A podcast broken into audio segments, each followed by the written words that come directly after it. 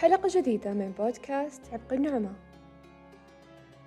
أهلا وسهلا أنا عبق.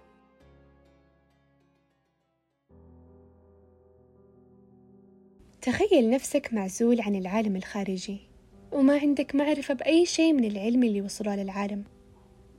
ما عندك كهرباء ولا نت ولا مكيفات ولا أي عامل من عوامل التطور. وكل هذا بإرادتك واختيارك أنت. وش السبب اللي يخليك تختار هالعيشة؟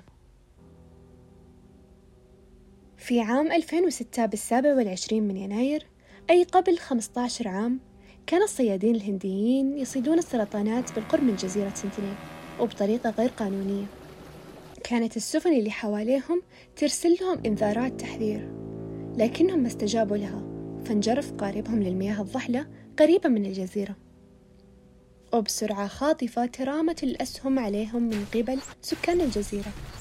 وللأسف مات كل من كان على السفينة. وبعد ثلاثة أيام وصل للمنطقة مروحية خفر السواحل عشان تجمع جثث الصيادين. بس الغريب إن المروحية كمان لاقت نفس اللي لاقاه قارب الصيادين. فاضطرت المروحية إنها تترك جثث الصيادين في حالها وتروح. ويقال إن سكان الجزيرة دفنوا الصيادين. كل شيء يصل لهذه الجزيرة يختفي تماما دون أن يترك أثره. جزيرة سنتينيل الشمالية تسيطر عليها الهند بالرغم أن ما في أي اتفاق ما بين حكومة الهند وسكان الجزيرة الأصليين. وما كل هذا إلا أن الحكومة الهندية تتأكد من أن ما حد يقرب لهالجزيرة ويزعج سكانها. فبالتالي ما حد يقدر يروح لهالجزيرة أو يقرب منها إلا وينقتل من السكان. تترجم كلمة سنتينيل للحارس وفعل الحراسة هو ما يقوم به شعب هذه الجزيرة لمنع أي زائر خارجي من دخولها. فكروا معاي الموضوع غريب مرة. ليه كل اللي يقربون من الجزيرة ينقتلون؟ وليه شعب الجزيرة يتعاملون بعدوانية كبيرة مع العالم الخارجي؟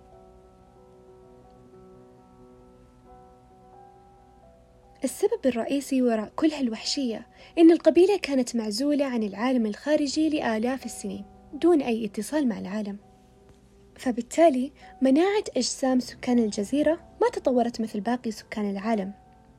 فأي شخص بيكون على مقربة من أحد أفراد سكان الجزيرة يمكن يقتله بسبب الميكروبات والفيروسات اللي بتنتقل من جسم الشخص اللي من العالم الخارجي لجسم هذا الفرد.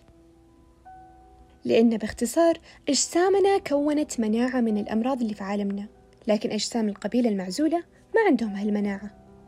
فانتقال أي مرض لأحد أفراد السنتينيلز يعني انتشار المرض لكل شعب الجزيرة وبالتالي يعني انقراضهم. في القرن التاسع عشر درس الضابط البريطاني موريس فيدال بورتمان سكان الجزيرة. في أحد مراحل الدراسة اختطف الضابط ستة أفراد من السنتينيلز أربع أطفال وشخصين بالغين وأخذهم بقاربه لأقرب مدينة رئيسية. تخيلوا معاي إنه وسط دراسته قرر فجأة إنه يخطف ستة أفراد ويسوي دراسة عليهم. وبسرعة هائلة مرضوا كل هالمخطوفين الستة ومات منهم الاثنين البالغين.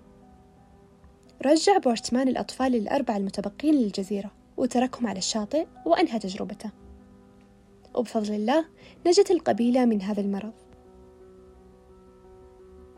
وبعد هذه الحادثة جاء قرار الحكومة الهندية بحماية الجزيرة بدوريات مستمرة. وبحكم أن الجزيرة ما لهم أي تواصل مع العالم الخارجي فأكيد أنهم متأخرين في العلم جدا. مثلا أنهم ما يعرفون الجاذبية ما يعرفون أن المجموعة الشمسية عبارة عن ثمانية كواكب أو حتى ما يعرفون الضرب والقسمة. بس أنتوا تخيلوا معاي هم لأي درجة متأخرين. تخيلوا إنهم إلى زمننا هذا ما يعرفون يشعلون النار. يعتمدون على البرق إنه يضرب الأشجار وتولع شرارة وإذا ما في برق يعني خلاص باختصار ما في نار. تخيلوا إنهم كمان إلى الآن ما صنعوا أو أخاطوا الملابس. فهم شبه عري تغطيهم بعض أوراق الشجر. وبما أن سكان الجزيرة يمنعون اقتراب أي أحد لهم فالعلماء يجهلون الكثير عن سكان هذه الجزيرة. أعداد السكان ولغتهم المستخدمة وطريقة حياتهم وتقاليدهم المتبعة كلها تعتبر لغز محير للعلماء. كان في محاولات تصوير من فوق الجزيرة لكن الأشجار العالية تغطي الجزيرة فبالتالي إلى الآن ما وجدوا أي طريقة لدراستها في عام 2004 حدث زلزال قوي في المحيط الهندي لدرجة مات أكثر من 250 ألف شخص في هذه الحادثة. كان من المتوقع أن هذه الجزيرة تنتهي بسبب هذا الزلزال لكن الغريب أنهم نجوا وما مات أحد منهم والسبب طبعا مجهول. الحكومة الهندية أرسلت مروحية محملة بالطعام كمعونة لسكان الجزيرة لكنهم كالمعتاد قابلوها بالسهام والرماح والحجارة. وبعام 2018 جون تشاو شاب أمريكي كان مصر إنه يروح في رحلة لجزيرة سنتينيل. اللي يدعو شعبها للديانة المسيحية. دفع الشاب حوالي ثلاثين ألف دولار لصيادين هنديين عشان يساعدونه في الوصول للجزيرة. حاول جون إنه يتواصل مع شعب الجزيرة قبل يوصل لهم لكنه ما قدر. فقرر إنه يروح لهم ويخاطر عشان يوصل دعوته. وأكيد أول ما وصل انقتل وهذا اللي كان متوقع طبعاً. قبضت الشرطة الهندية على الأشخاص اللي ساعدوه في الوصول للجزيرة. حاولت السلطات الهندية إنهم يستعيدون جثة جون لكنهم ما قدروا أبدا. أسرة جون تقول إنها سامحت القتلة وإنه مو لازم يحاكمونهم. وأصلا حتى لو ما سامحوا القتلة ما حد بيحاكم السنتينيلز لأن الحكومة الهندية وضعت قرار بمنع الاقتراب منهم وجون خالف هذا القرار. وبالرغم من المخاطر والحظر الرسمي لكن العلماء والناس لا زالوا ينجذبون لاستكشاف هذه الجزيرة ولا زالت الضحايا في ازدياد والمعلومات قليلة. جزيرة سنتينيل هي أحد الجزر الغامضة بكوكبنا لكنها ليست الوحيدة. لما جلست أبحث في الموضوع وتبحرت فيه انصدمت أن في عدة جزر لهم قصص غريبة وغامضة وشدتني منها جزيرة مياكيجيما وهي جزيرة ممتدة من أحد جزر جنوب اليابان. الجزيرة هذه تحتوي على أكبر مخزون كبريت في العالم.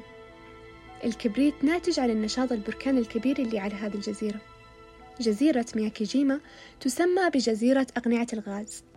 لأن السكان اللي عايشين على هالجزيرة ما يقدرون يعيشون بدون الأقنعة اللي تحميهم من الغازات سواء في الصباح أو في الليل في منازلهم أو خارج منازلهم. تخيلوا أنهم ما يقدرون يستغنون عن القناع أبدا لدرجة أن في المساء تبدأ الإنذارات في الانطلاق عشان الشعب ما ينسون يلبسون أقنعتهم وقت النوم. لأن اللي ما بيلبس قناعة وقت ما هو نايم أكيد أنه راح يموت. يعني تخيلوا أن حتى وهم نايمين مضطرين ما يفكون القناع. قناع الغاز مو زي الكمامات اللي إحنا نلبسها بعصر الكورونا. القناع اللي يلبسونه كبير جدا ويغطي الوجه كامل ومصنوع من الجلد. جزيرة مياكيجيما كانت جزيرة طبيعية وصالحة للعيش تماما حتى عام 2000 ميلادي.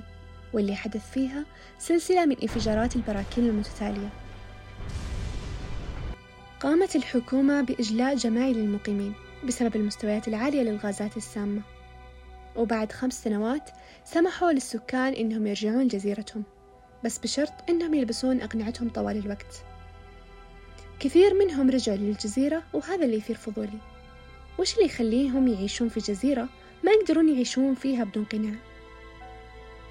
الموضوع مو مقتصر على سكان الجزيرة كمان سياحها كثير سياح يحبون يروحون لهالجزيرة رغم خطورتها إلا أن السياحة فيها ما توقفت. مناظرها الطبيعية والخلابة وكونها مكان مثالي لهواة الغوص ومتابعة الدلافين كلها تخلي السياح ما يفكروا بمخاطر الجزيرة عليهم مقابل إنهم يعيشون تجربة فريدة. السؤال موجه لكم الحين. لو بيوم كان عندكم الفرصة إنكم تزورون أحد هالجزر هل ممكن تخاطرون وتروحون لها مقابل إنكم تعيشون مغامرة فريدة؟